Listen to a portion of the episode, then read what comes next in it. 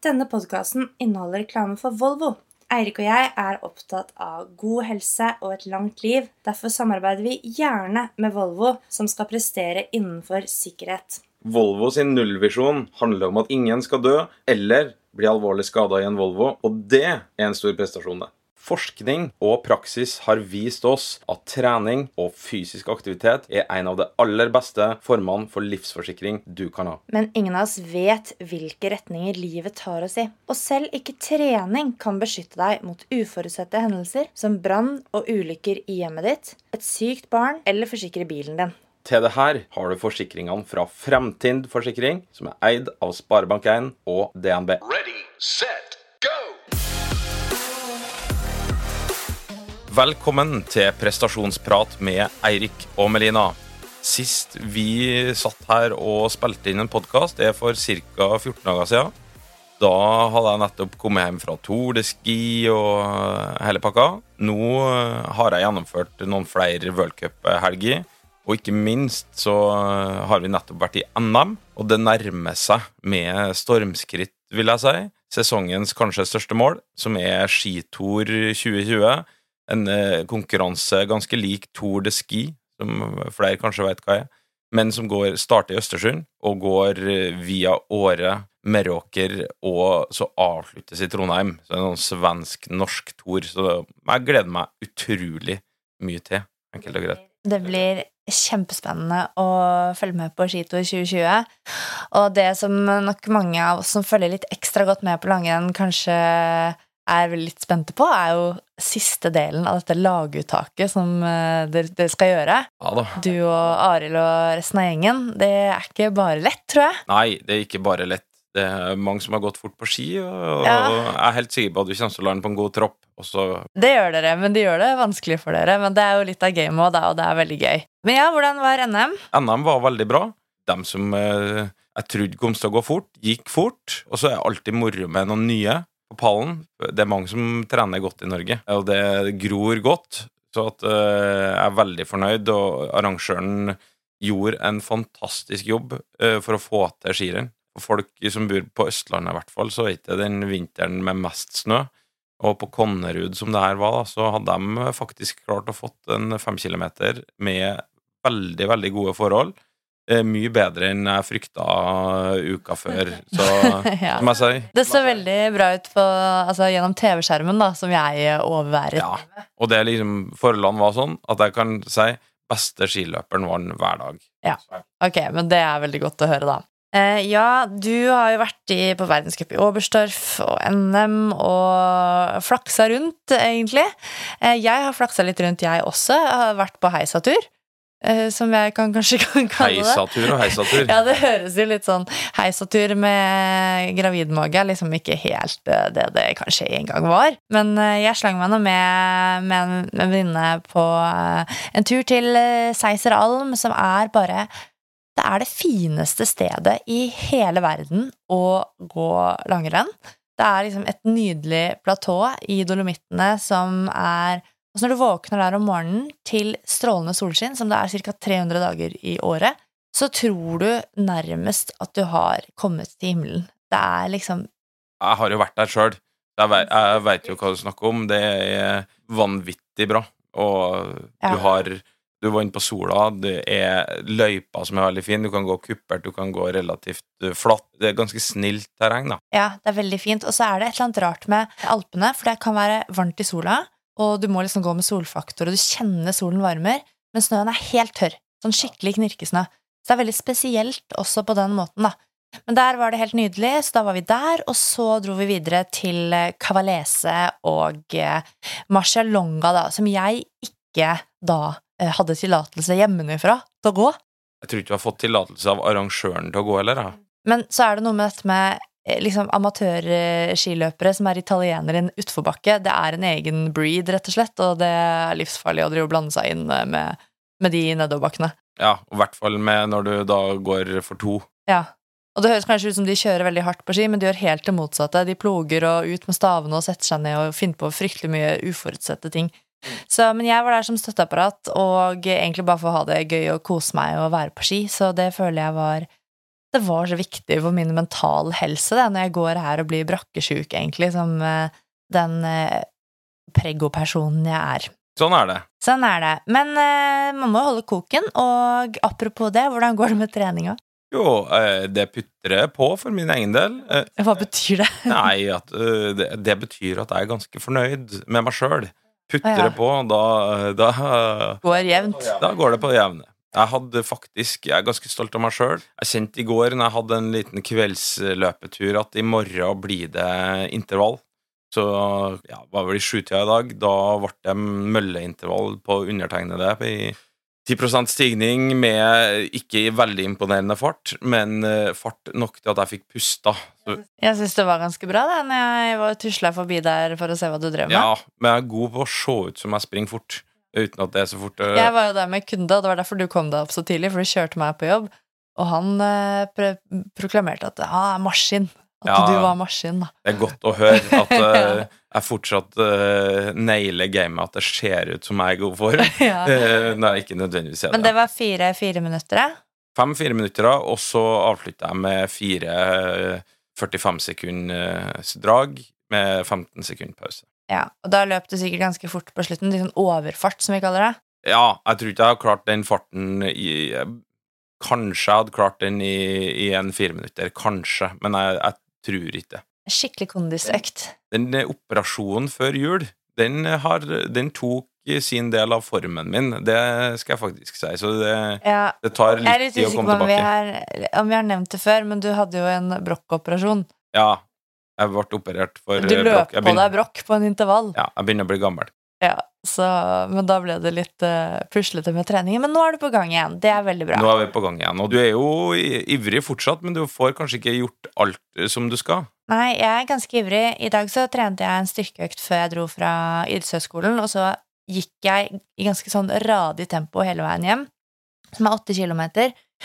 Og det blir liksom mest eh, trening på moderat intensitet, som er mye når jeg går på ski. Da går jeg stort sett i I3 hele tida, for det er tungt å puste. Og så blir det styrketrening, og så blir det jo rolig trening. Og det er egentlig en fin eh, liten Segway, fordi vi skal jo snakke en del om rolig trening i dag. Ja, det skal vi. For den observante lytter så har de sett at navnet på denne episoden heter Tretimeren. Her, og vi, vi krangla vel litt når vi drev og skulle spille inn den, om hva vi skulle kalle den. Vi kunne jo bare kalt den rolig trening. Og så fikk jeg trumfa gjennom, da. En sjelden gang at jeg får trumfa gjennom noen ting, men det gjorde jeg faktisk her. Du brukte vetoen.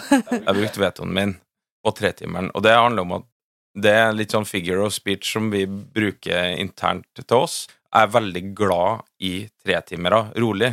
Ikke nødvendigvis eh, at jeg er glad i å gjennomføre det sjøl, men som trener så er jeg Du har nesten aldri vært med meg på en tretimer. Nei, men jeg er veldig glad i at utøverne mine gjennomfører det. Jeg tror det er veldig, veldig mm, viktig for en skiløper å trene lange, rolige treningsturer.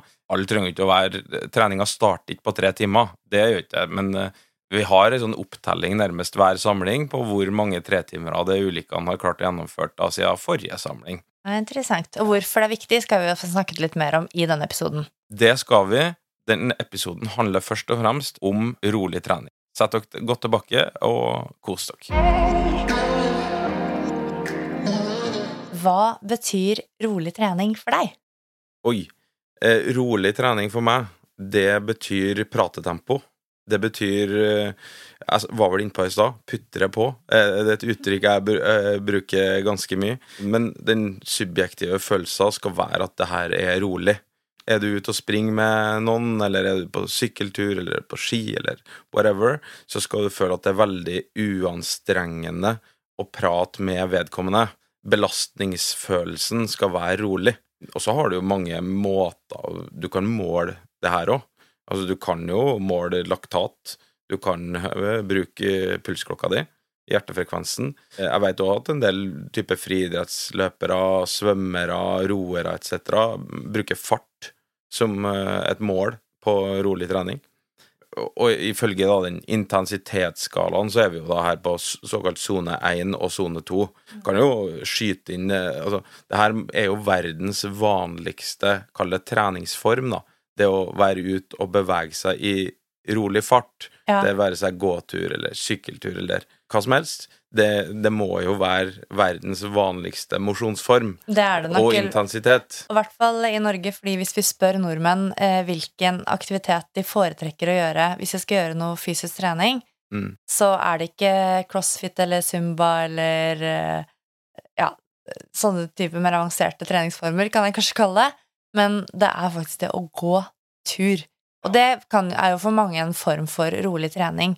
Men det er jo sånn at hvis jeg er ute på en rolig økt, da, så kan jeg av og til føle meg nesten sånn litt lat. Eller at det ser Ja, snakk for deg sjøl. Jeg føler meg ikke Nei, lat. nei, ok, ikke lat, men, men jeg ble i hvert fall overrasket over når jeg begynte med systematisk utholdenhetstrening, som jeg begynte med for sånn syv år siden, da, at uh, den rolige treningen, det var så innmari rolig, liksom. Jo da, jeg skjønner hva du mener, uh, men uh, det kan jo hende at du I hvert fall i, i Hvis du går på ski, da, så kan det hende at den følger For du har òg en del nedoverbakker, og på ski så bruker du ikke kroppen din i nedoverbakker. Hvis du springer, så gjør du jo det. Sånn føler jo jeg det. Hvis jeg går på rulleski, for eksempel, så syns jeg det er mindre belastende enn å springe. Jeg syns omvendt, men det er bare fordi jeg er bedre til å løpe. Men jeg tror nok det er eh, det at når jeg startet, så hadde jeg jo veldig dårlig opptrent belastningsfølelse. Det, det ordet som du nevnte i sted, og den belastningsfølelsen, den, den må jo øves litt på. Det krever jo mye disiplin å trene rolig, faktisk. Og du ser det ofte på yngre Og mosjonister. og mosjonister at den intensitetsskalaen med litt sånn rigid, oppdelt skala, da, den er ikke så enkel og kanskje er kontraproduktiv å bruke på som du sier, mosjonister som ikke har så kjennskap til det her, og, og barn, fordi at de har ikke noe de har ikke noe følelse for det her. De, I forhold til forskjellen på sone 1 og 2, for eksempel. Jeg kjenner jo det Ja. veldig godt nå. Jeg, jeg trenger ikke se på pulsklokka. Jeg vet eksakt hvilke slag jeg har på klokka. Ja, og da er vi jo inne på dere som vi helt sikkert skal prate om i en senere podkast, med dere læringsprosessene som skjer til barn og unge, eller barn som vokser, da, og disse læringsprosessene som skjer i forhold til sin egen kropp og intensitet og belastning over tid etc. Men som voksen går du jo gjennom det samme, egentlig. Det var i hvert fall min erfaring. Jo da, det gjør du. Eller mye av det samme, i hvert fall. Ja, og, men eh, det, den der er ganske interessant. Men det med rolig trening Vi har jo en fast spalte som heter Fysiologitimen. På dette temaet vet jeg at du, Melina, er ganske ekspert på den Ekspert. Du kan veldig mye om den fysiologien. Hva er det som faktisk skjer Snakk for deg sjæl. når vi trener rolig? Ja. Så kan du liksom Hva skjer dra, med meg? skal jeg dra i gang fysiologitimen? Ja, hva skjer med meg når jeg er ute og springer f.eks. en tretimers? Ja. Nå vet ikke jeg akkurat hva som skjer med deg, men hvis vi tar liksom eh, Vi må se litt stort på det og tenke på menneskekroppen litt sånn generelt, i hvert fall. Så vet vi at alle mennesker har litt forskjellig trenbarhet og tilpasninger på akkurat dette. Men det skjer jo tilpasninger på veldig mange plan. Det er det som er så fantastisk med fysisk trening. You hit all systems, liker vi å si. Og noe av det som gjør at du blir bedre trent, altså bedre utholdenhetstrent, er blant annet at du får tilpasninger i det vi kaller perifere faktorer. Og det perifere handler jo her om det som foregår ute i skjelettmuskulaturen din. Den tilpasser seg rett og slett til å bli bedre, mer utholdende, bedre utholdenhetstrent. Og det gjør den jo da gjennom å få flere mitokondrier, blant annet, som vi har snakket om i en tidligere podkastepisode, den VO2 Max-episoden. Ja, og for dem som da husker på den, nå er jo du inne på perifere faktorer. I den episoden snakka vi mye om sentrale faktorer, som i all hovedsak vi snakka om hjertet, da. Ja, og så er det lunger og blod som også er med på det sentrale. Men det skjer egentlig mer på den perifere fronten, da, i skjelettmuskulaturen. Og når du trener utholdenhet um, på rolig intensitet, og trener sånn at du får uh, tilpasninger og treningseffekter, så får du altså flere mitokondrier, og de kan også øke sin størrelse. Og de mitokondriene de er jo som kraftstasjoner i muskulaturen. De er jo ansvarlige for å omdanne rett og slett maten vi spiser, til kjemisk energi. Og jo flere av disse mitokondriekraftstasjonene du har, jo mer eh, hestekrefter har du, på en måte. Eh, Det er litt sånn det fungerer. Og i tillegg til det så får du også flere aerobe enzymer. Og enzymer, som vi også nevnte i den VO2 Max-episoden, som jeg for øvrig anbefaler alle å høre på, så eh, altså de enzymene de er katalysatorer som får kjemiske reaksjoner til å skje. Så det betyr at kan dannet, vi kan få dannet kjemisk energi enda kjappere enn før. I tillegg til at du da har disse, flere av disse kraftstasjonene. Du, det du sier, er på et vis at du blir bedre til å omdanne den energien som er i maten vår, om til energi som vi kan nyttiggjøre oss av. Ja, gjennom bevegelse. Og i tillegg til det så får du også flere kapillærer, som er de tynneste, fineste små blodårene som vi har i eh, karsystemet vårt. Og de fungerer nærmest som sånne bensinslanger, eller er i hvert fall overgangene mellom muskulaturen og resten av blodbanen. Og der foregår det jo masse utveksling av eh, næringsstoffer, avfallsstoffer og noe som vi er veldig veldig opptatt av innenfor fysisk trening, oksygen, blant annet. Og der er det jo eh, store forskjeller på trent og utrent, eh, både i mitokondrietettheten, men også i kapillærtettheten. Hvis du som utrent person, da, hvis vi hadde tatt ut en muskelbiopsi, og, eller vi hadde prøvd å i hvert fall undersøke og titte på kapillærtettheten din, så ville vi kanskje funnet ut at du som mann da, har rundt 400-500 kapillærer per uh, hva blir det, kvadratmillimeter.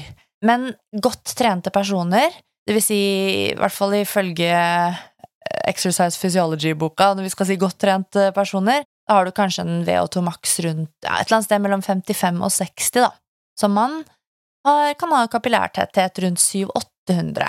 Eh, nesten dobbelt så mye, da. Eh, per mikro eh, Eller per kvadratmillimeter. Ja, det betyr jo at de da som er definert som godt trent her, har en mye større evne, eller mulighet, da, til å ta opp oksygen inn i muskulaturen, få næringsstoffer inn i muskulaturen, og ikke minst kvitte seg med avfallsstoffer. Mm. Og da vil du kunne opprettholde en bedre homeostase, altså en syre-basebalanse i muskulaturen. Og det vil få store konsekvenser for kraften som du klarer å skape og utøve mot omgivelsene over tid.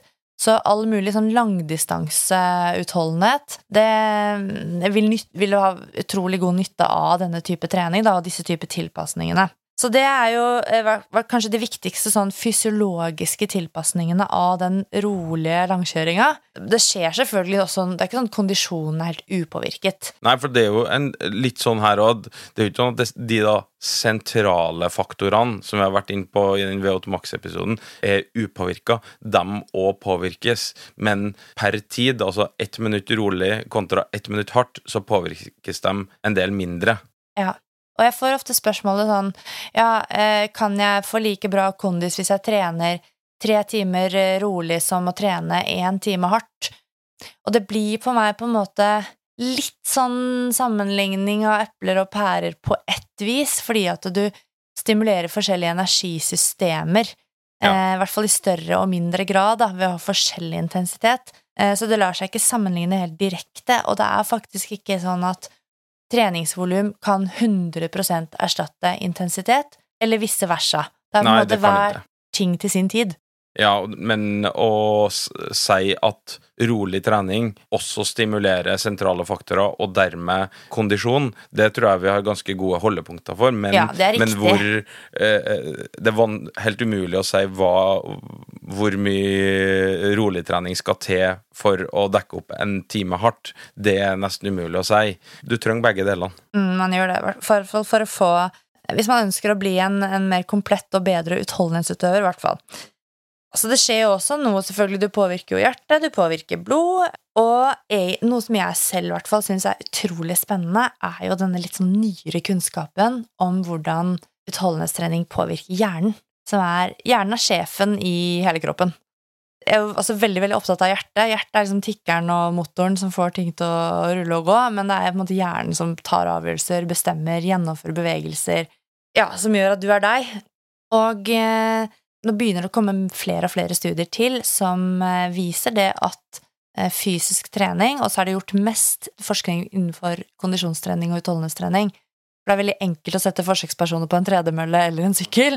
Så da blir jo fort konklusjonene det at utholdenhetstrening bidrar til bedre hjernehelse og bedre hjernefunksjon og de eksakte mekanismene bak de effektene de er jo ikke på langt nær fullt utredet, men man tror jo det at det at blodstrømmen til hjernen øker når du er i fysisk aktivitet, er noe av mekanismene bak at man får flere eh, koblinger, altså flere nerveceller, flere koblinger mellom de ulike hjerneområdene, slik at de fungerer og kommuniserer bedre med hverandre.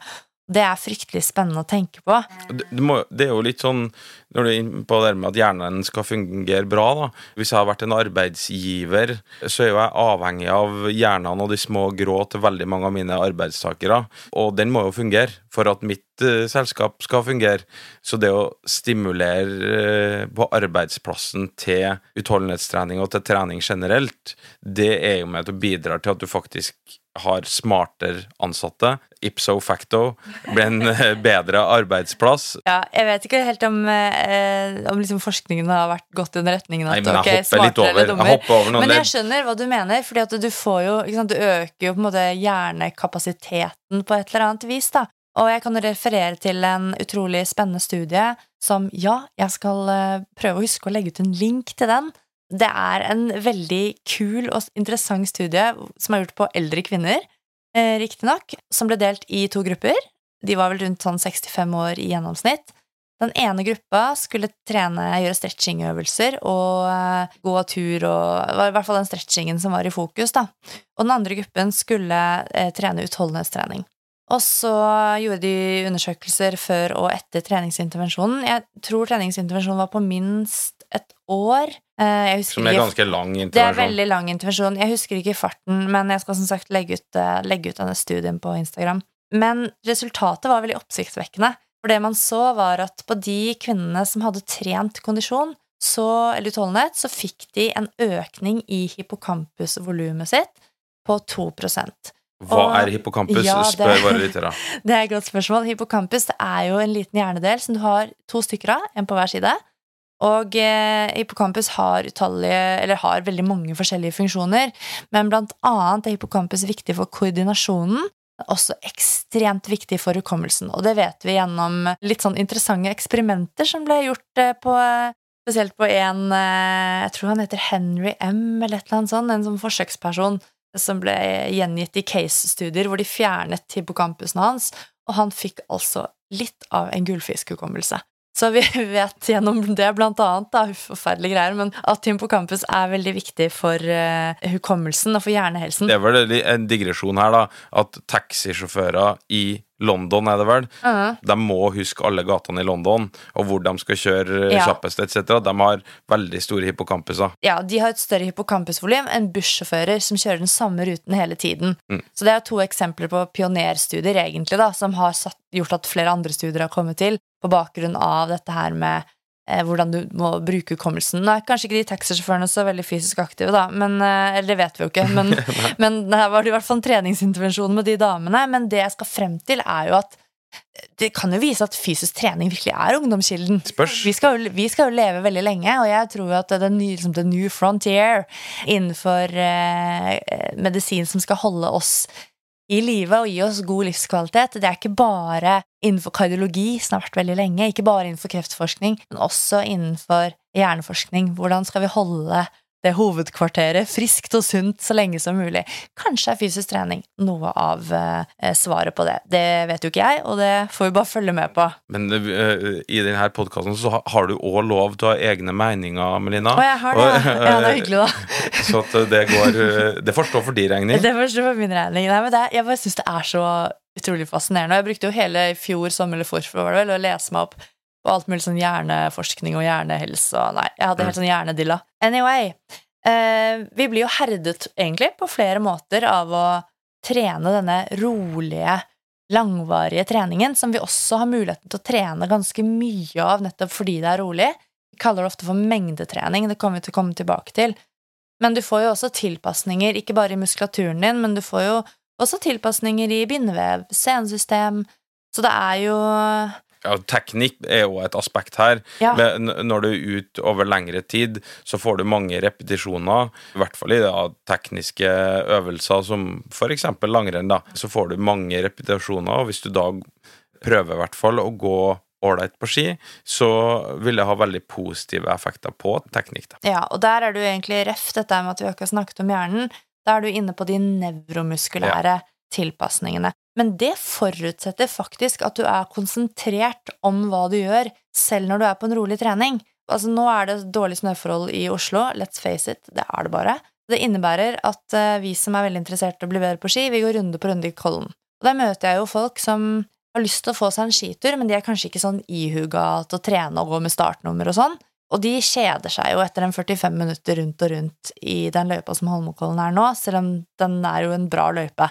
Og det skjønner jeg veldig godt, fordi at hvis ikke du har noen spesielle tekniske oppgaver å jobbe med, så tasser man jo bare der, da. Da går man jo bare der, og tida går, og man går og ser på klokka, og har man vært ute lenge nok til å gå inn eller dra opp på Frognerseteren og kjøpe seg vaffel. Så, så det, Det er hyggelig. det er hyggelig, og det kan være vel fortjent, det, altså. Men det er noe med det vi kaller det deliberate practice. At du har Du er til stede, og du er våken, og du er fokusert på de arbeidsoppgavene du skal gjøre. Og prøv det i tre timer og gå og være fokusert på teknikk. Da, det er fortsatt rolig trening, men det krever mye disiplin og konsentrasjon. Ja, det gjør det. Herdinga som du var inne på med muskulaturen, da. Jeg tror jo at du blir herda i hodet og eh, etter hvert på akkurat den biten her, da. Mm. De som har holdt på med det her i år etter år etter år, for dem er ikke det en så stor utfordring som kanskje for en, en mosjonist som vi sier du skal ut og ha en tre timer. Du flytter jo grensa. Du flytter jo grensa for hva som føles lenge, hva som er langt. Du flytter grensa for hva som er slitsomt. Og så blir det jo selvfølgelig den herdingen som vi har nevnt nå et par ganger, den går jo også på det at ved å ha en gradvis konservativ dog opptrapping av eh, mengden med trening Ofte er det mengden med rolig trening man da trapper opp, litt avhengig av hvilken treningsmodell man følger. Det vil jo eh, kunne gjøre deg mer motstandsdyktig i forhold til Altså, vi ønsker å unngå skade, så vi ønsker at du skal kunne trene mer og etter hvert hardere ved å få en god, solid base med mengdetrening bak deg. Men det er avhengig av at den mengden ikke økes for raskt, sånn at man ikke blir skadet, da. Veldig bra. Da tror jeg vi har oppsummert eh, en god del av det, eh, det vi skulle ha med Ja. fysiologitimen. Litt springende fysiologitime, men jeg tror vi har dekket det viktigste. Veldig bra. Da kjører vi noen spørsmål. Jeg tror det er ganske mange der ute som lurer på litt detaljer, Erik. Hvordan trener egentlig landslaget, altså langrennslandslaget, og hvordan ser en samlingsuke ut for dere? Oi! Eh, nå kan du jo sikkert stoppe meg, for det her er jo et sånt tema som jeg kan eh, plutselig begynne å snakke i flerfoldige Jeg kommer til å stoppe deg. Ja. Men ikke om Men med tanke på rolig trening og fordeling og timer og Give us some deeds. Ja, det er ingen som helst tvil om at vi trener fryktelig mye rolig trening.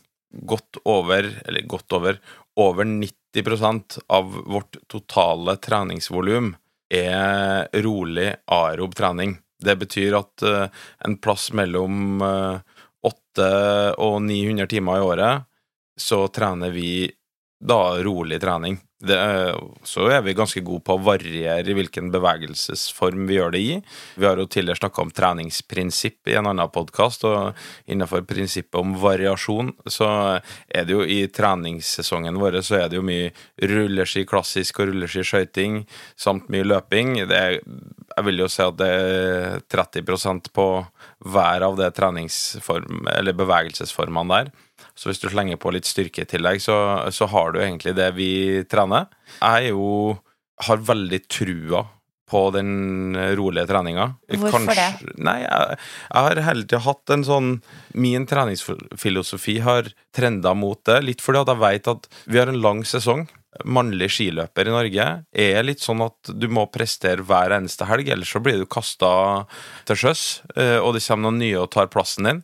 Med andre ord så i konkurransesesongen så har vi ikke alltid tida til å få trent like mye. Vi reiser ganske mye og, og konkurrerer mye. Dermed så må vi tørs å trene nok inn til sesongen starter.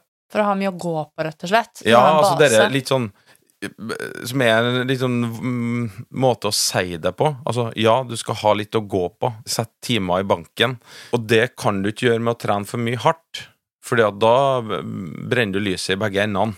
Eh, Da er vi slitne når sesongen starter, men Det fins jo eksempler på personer som har prøvd det, og det er, ikke, det er få som har lyktes, da. Ja da, det er mange som har lykkes med det meste, men veldig mange flere, tror jeg, har lyktes med den måten der, i hvert fall av skiløpere, og ha fokus på den rolige treninga.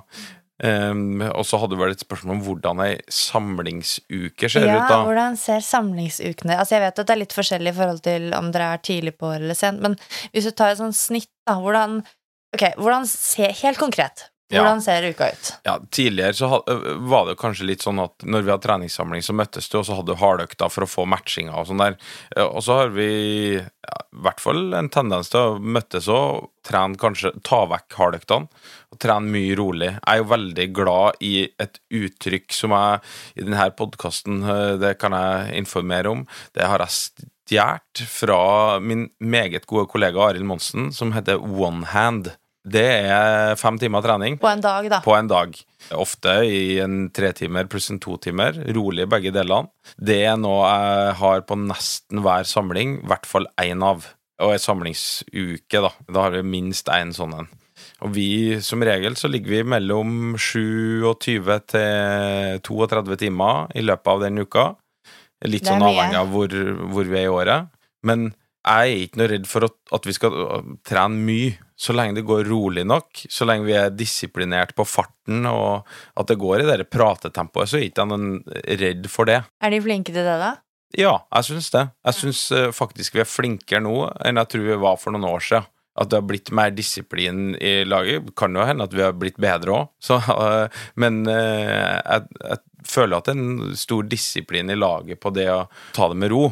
Altså, alle ønsker gode hardøkter, selvfølgelig, og for å få til det, og trene så mye, så må det rolige treninga være rolig nok, da.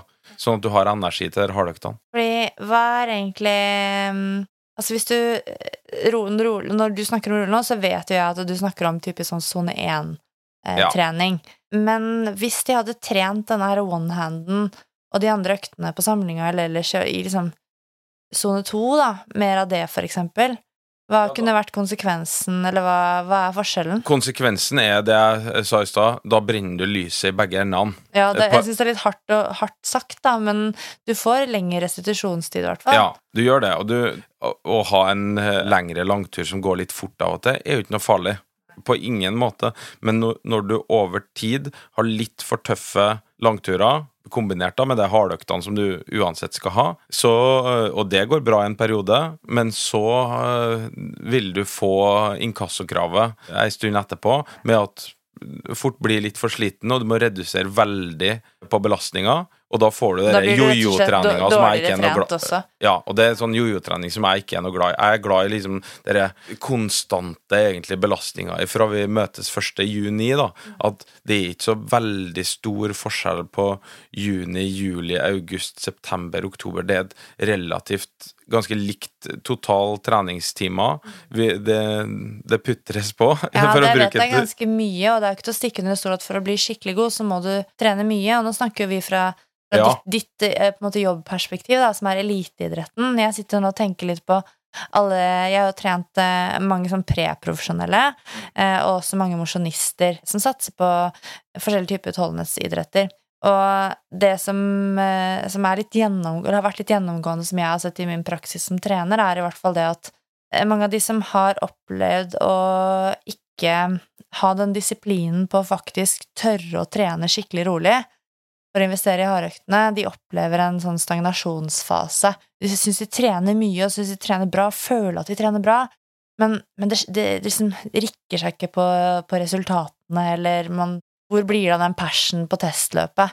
Så det handler jo om å både bygge denne basen med å tåle mye trening og få det stimuliet som skal lede til alle disse tingene vi snakket om i fysiologitimen Ja, ja. på muskelsiden, men samtidig også ikke gjøre det på en måte som er ødeleggende for de formbyggende hardøktene, da. Ja, og da, her skal jeg si to ting som jeg er ganske sånn knallhard på.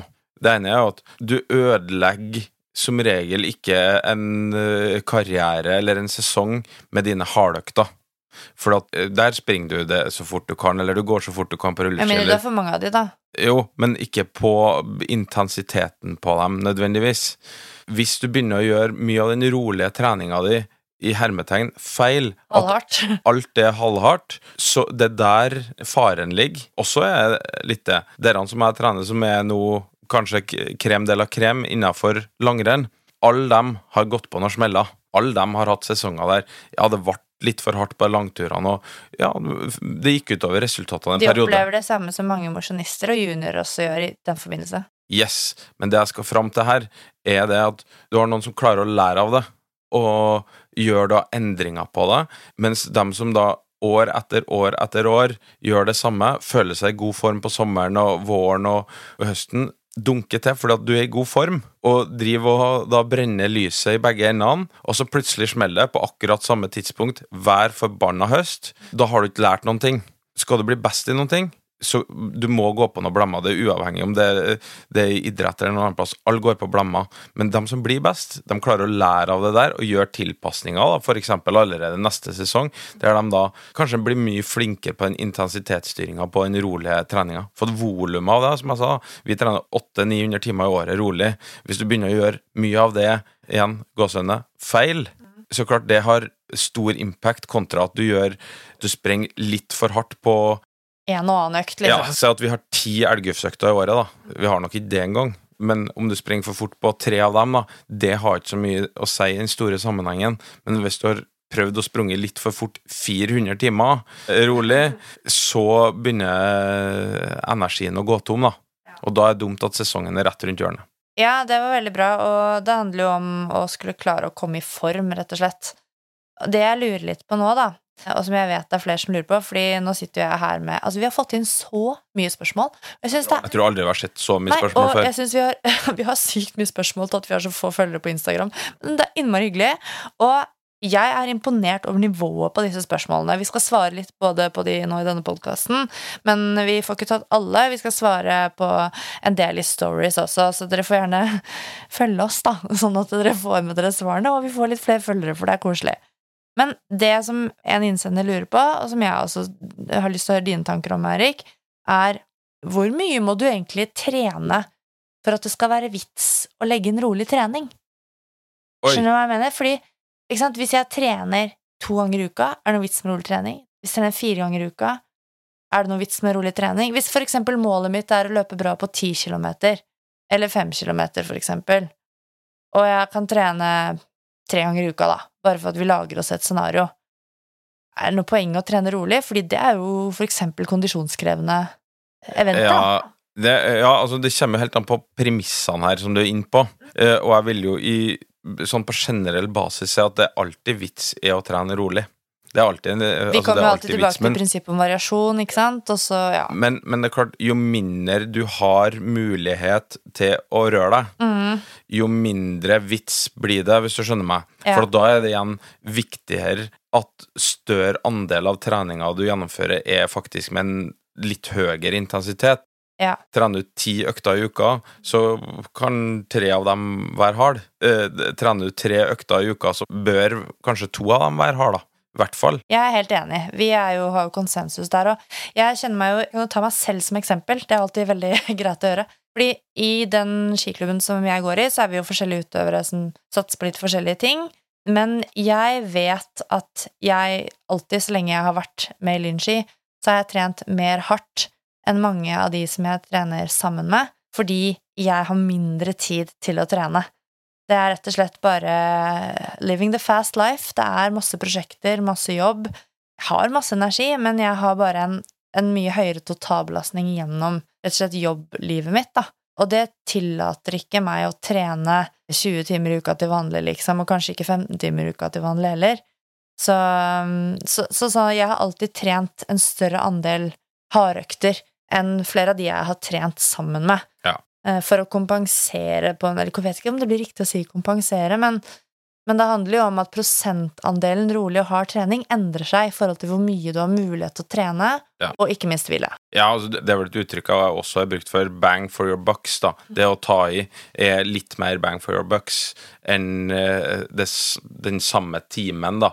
Rolig er det. Så eh, for å svare på spørsmålet ja, det er vits, men har du liten tid til å trene, så er det mindre vits enn hvis du trener mye. Skal vi, skal vi si for eksempel hvis du trener flere enn to ganger i uken, så kan det være vits å ha, legge inn rolig trening. Ja, altså det er fortsatt vits, men uh, sjøl om du trener to Nå snakker vi ut fra prestasjonsperspektivet, da, ikke fra helseperspektivet. Ja, men da, i løpet av tre uker, hvis du trener to, eh, så kan 1,7 da, hver uke hver halv. Og så, Litt variasjon over det hele. Ja, så da kan du den tredje uka legge inn en, en rolig økt. Ja, for det er ikke Det sånn at det må være prikklikt hver uke. Uh, helst ikke, Nei, ikke for progresjonen sin del. Ja, det synes jeg var et fint svar på det. Det er også noen som tenker at ok, vi er jo litt inne på tidsklemma her, men hvis man har for eksempel en langkjøring med en innlagt intervall inni, er det en måte å løse det på? Er det lurt, eller er det dumt, eller er det Eh, Hva tenker du om den type økt? Si det er nesten umulig å svare på om det er lurt eller om det er dumt. For, Det kan være skikkelig dumt, ikke sant, hvis noen sammenhenger, og så kan det være superlurt. Men innafor tidsklemmer-biten så er jo det, det helt topp. Det, det, da får du ja takk, litt begge deler. Jeg er jo i, som trener på elitenivå, så er ikke jeg noe glad i sånne økter. Nei, fordi du liker jo den modellen som jeg også elsker og trykker til mitt bryst. Den polariserte treningsmodellen hvor vi Jeg vil ikke trener blande for mye. Nei, ikke sant? Vi trener enten rolig, eller så trener vi kanskje terskel-ish, I3, eh, eller så trener vi hardt. Ja. Så, så det er veldig sånn rendyrket trening, og jeg som trener, jeg vet du også som trener, og som fysiolog, eh, har bedre kontroll på belastningsfaktorene også på den måten. Ja, det vi av og til gjør på rolig langtur, det er å legge inn litt hurtighet. Og så kan du jo da liksom den pragmatiske akademikeren se hvorfor gjør du det. Eh, hvis du skal trene hurtighet, Det var mitt neste spørsmål. Ja, det, det må du gjøre når du er eh, veldig fit, når du ikke er sliten fordi du har gått i to timer. Og det er helt riktig. Skal du ha mest hurtighet-adaptasjon, da, så må du gjøre det. Samtidig så er det ganske spesifikt i forhold til det vi av og til skal gjøre. Vi har jo konkurransetid av og til som går opp mot to timer, og det å liksom Og spurt på slutten, ikke sant? spurt på slutten. Det å også være Øv litt på den fyringa eh, underveis, det eh, kan være smart. Men min personlige mening er altså veldig mye av det vi gjør, og det jeg har trua på, er det du er inne på, polarisert. Altså når vi trener rolig, så trener vi rolig. Så trener vi hardt når vi trener hardt. Vel, enten-eller. Ja. Men jeg kan sitte her som, selv om jeg også bruker og liker den modellen veldig godt, men så er, den forutsetter også at du har muligheten til å ha en, en del økter, Ja, så du får spredd egenskapene. Og jeg setter jo opp til Birken-løperne mine og eh, de som, som satser på sant, langløp, enten om det er mosjonister eller, eller høyere, de, de får sånne økter. Eh, og det er jo fordi at de, de trener også relativt mye. Ikke like mye som, som dine utøvere, men det er også sånn der at Ok, hvis ikke du har tid til å trene så mange lange økter i uken, du må i tillegg få inn noen intervaller, du må kanskje også få gått med litt høyere intensitet på ski, men i tillegg må du få gått ganske lenge på ski, for eksempel. Nå tar jeg Birken som eksempel, da. Da kan det godt være at jeg setter opp eh, at en person skal gå en tre timer, og kanskje til og med litt lenger, og i siste tredjedel så skal han eller hun legge inn intervaller, og det kan være sånn 20 ganger to minutter, eller det kan være seks ganger tre minutter, eller det kan være hurtighetsdrag. Og så var du litt inne på Det er jo noen som har spurt, for å dra oss over til et lite spørsmål til, da, som vi liksom kom naturlig inn på nå. Og det er det også en som lurer på. Det er jo hva er liksom poenget med å gjøre stigningsdrag på slutten av en løpetur, eller som du snakker om, legge inn hurtighet, ikke sant? Og det er jo ikke rendyrket hurtighet sånn egentlig i forhold til den nevromuskulære tilpasningen. Ja. Her er jo helt sikkert fysioterapeuter og sånn som kan svare bedre på det her enn meg, men av egen erfaring òg, så hvis jeg ut, Si at jeg er ute og springer i to til tre timer. Da har du samme fyringa hele tida, strengt tatt. Du har samme steget i to til tre timer. Det er Monotone greier. det er monotont. Selv om du kanskje endrer litt underlag og litt stigning etc., så er det ganske monotont. Og du blir litt sånn kjørt i muskulaturen, ikke fordi at det arbeidet du har gjort, er så vanvittig, men for Blir at det, du mørner litt. ja, du mørner seg litt. Mens da hvis du har et par, par tre, fire stigningsdrag der, som endrer fyringsfrekvensen i muskulaturen, det gjør at den eh, følelsen du hadde nettopp da, med at du var helt mør, den forsvinner. Du blir så mye freshere. Ja, jeg tror jo ikke du, du Du føler litt sånn magisk, da, idet du tar det bare det tretimersfølelsen den bare forsvant helt. Ja, det er helt utrolig, faktisk. Om det sånn har så mye å bety eh, rent restitusjonsmessig eller sånn, det veit ikke jeg. Det er vanskelig for Jeg å tror ikke du klarer å engasjere som stor andel type 2-fibre, altså de raske fibre. Jeg tror ikke Ja. du klarer å, å sette så stort drag på muskulaturen din at du vil øke restitusjonstiden din nevneverdig Nei. ved å gjennomføre stigningsdrag eller hurtighet på langtur. Men en ting som jeg har tenkt på, som er et sånn godt argument for å legge inn disse såkalte stridesene eller stigningsdragene også i det vi kaller mengdetreningsperioder, dvs. si de periodene hvor du rett og slett legger inn en god dose trening før det kanskje er en overgangssesong, før det kommer konkurranser, det er jo nettopp at ok, skal du liksom ha rolig trening, og så skal du ha eh, kanskje denne litt mer sånn konkurransespesifikke treningen, som for veldig mange er i intensitetssone fire og fem. Eh, men så er også det med å kunne bevege seg hurtig, og muskulaturen å trekke seg sammen hurtig, det er også Altså, hurtighet er også en viktig del av prestasjonspuslespillet. Definitivt. Skal du vente flere måneder da, og trene hurtighet rett før sesongen?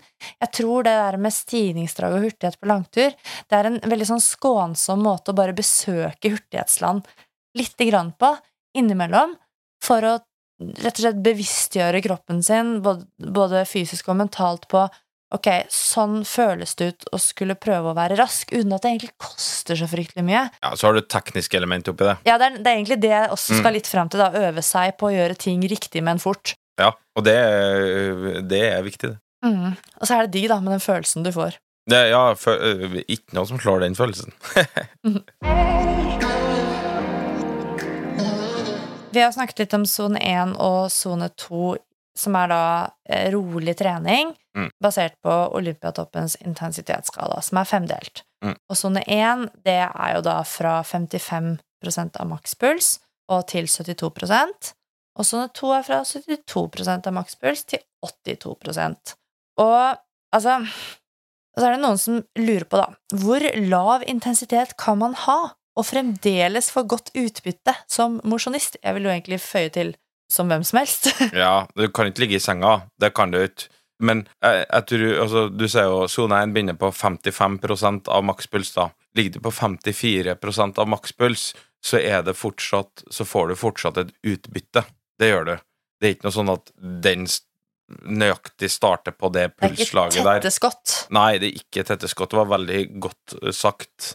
Men det er klart, du må ha en viss bevegelse, og det, og det her handler jo om at du kan ikke subbe av gårde. Vanlige, friske folk kan ikke bare subbe av gårde og tro at de får en treningseffekt Jeg av det. Jeg føler av og til jeg subber av gårde når jeg må ta det rolig og gå i motbakkene og sånt noe, men jeg skjønner hva du mener. Ja, så Ja. Det, må, det må være en viss eh, Kall det viss fart på det. Men det skal være Det å gå, gå eh, er for veldig, veldig mange veldig god trening, selv om du ikke alle fer rundt og, og sjekker om de ligger på 54 eller 55% av makspuls, og jazzer på over en kul for å komme seg opp på 55. Det er bare tull. Men uh, en må være i bevegelse. Du har allerede vært inn på de perifere faktorene i muskulatur etc. Som eh, Det må noe intensitet brukes. til, ja, og så må det brukes. Så egentlig, så jeg pleier å si sånn, ok, alt under sone 1, det kaller vi ikke for trening. Da er det helt sikkert noen som vil være uenig fra sånn folkehelseperspektiv. Ja. Men nå sitter jeg her med idrettsfysiologhatten på, mer enn folkehelseforskerhatten. Så, så jeg tror på en måte at det er et premiss vi kan legge til grunn for de som trener prestasjonsrettet. Som denne innsenderen her gjør, da, som, eh, som har eh, i hvert fall 40 på mila. Står det her. Så da, så da tenker jeg fra sone 1 og oppover, da er vi i Da kaller vi det trening, og du får lov å skrive det i treningsdagboka. Ja. ja. Um, ok, du snakket litt om one hand tidligere, da. Ikke sant? Denne her eh, dagen hvor du trener fem timer, og jeg må si jeg liker one hands. Altså. Jeg har hatt eh, et par stykker av de selv. Ikke like mange som gutta dine, men det er fornøyelige økter når du gjør det sammen med andre, og man er ute på lang tur, prater, har med seg noe digg sportsbar sjokolade, nyter naturen. Det er egentlig ganske sånn Nå prøver jeg å selge inn det her til deg, da, som aldri gidder å være med på de turene, men jeg vet ikke om Ja. det funker. men men hva, hvorfor gjør dere ikke alt dette i en smekk? Hvorfor ikke bare trene fem timer, ferdig, sofaen resten av dagen? Du kunne ha gjort det. Ja. Det kunne du absolutt ha gjort. Så er det litt mer eh, ernæringsperspektivet som kanskje veier litt eh, tungt her. At uh, jeg er ganske sikker på at med å da for eksempel gå inn etter tre timer, ta en, spise en god lunsj, få hvilt, så blir det vi får ut av de siste to timene, bitte litt bedre enn kanskje de siste to timene i en ren femtimer. At det Du kommer med litt friskt eh, blod, da. Ja, Eh, og- Så det handler om kvaliteten på treningen kvaliteten og restitusjon. Ja, så det, er derfor. Men om du deler den i to pluss tre eller ø, fire pluss én, det tror ikke jeg er sånn veldig viktig. Eh, men jeg tror over tid at det er lurere å dele dem opp enn å kjøre dem i en smell. Det er jeg ganske sikker på. Jeg husker tilbake når du snakker om det der med å kjøre det i en smell på det som vi kaller for superlangkjøringen. Det er jo en ganske en økt som har vært et fast innslag på Lyn ski sine treningssamlinger på sommerstid. Da har du økter hvor du går eh, to timer i en rulleskistilart, to timer i en annen rulleskistilart, og så løper du en og en halv time til slutt. Ja. Og jeg husker jo sånn, noen av de samlingene der, så var det jo sånn folk falt som fluer, liksom. Ja, og alt det der skulle sliten. gjøres i ett. Og det var faen mest gutta, faktisk. Det var ikke det var jentene hadde stayerevne.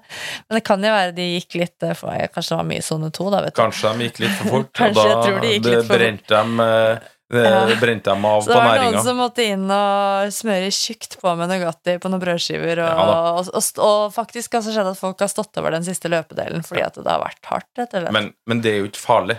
Det er ikke Nei, nei, farlig nei, å gå nei. tom. Det er ikke farlig i det hele tatt. Men da må man passe på å fylle på godt etterpå. Og Men- det, det er jo viktig, tror jeg, på vanlige tretimere, som hvis du kjører en av dem òg. Det å ha næring, det å ha drikke, det å, å få i seg det underveis. For da blir kvaliteten på Mm.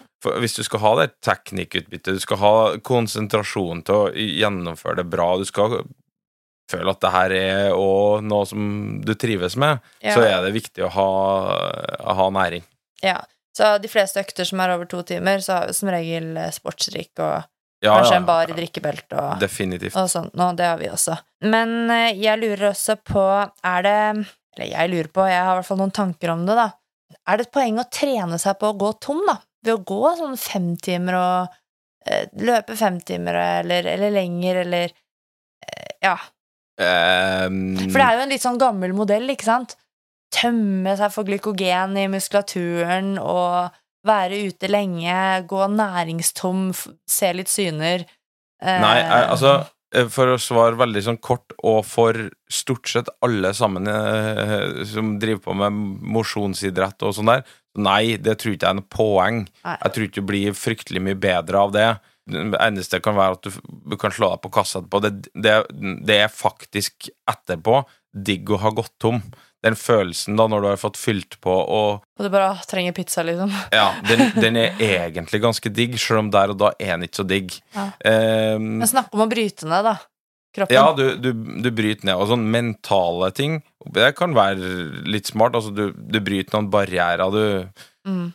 ja, du, du knekker noen trær, da, for å bli bedre.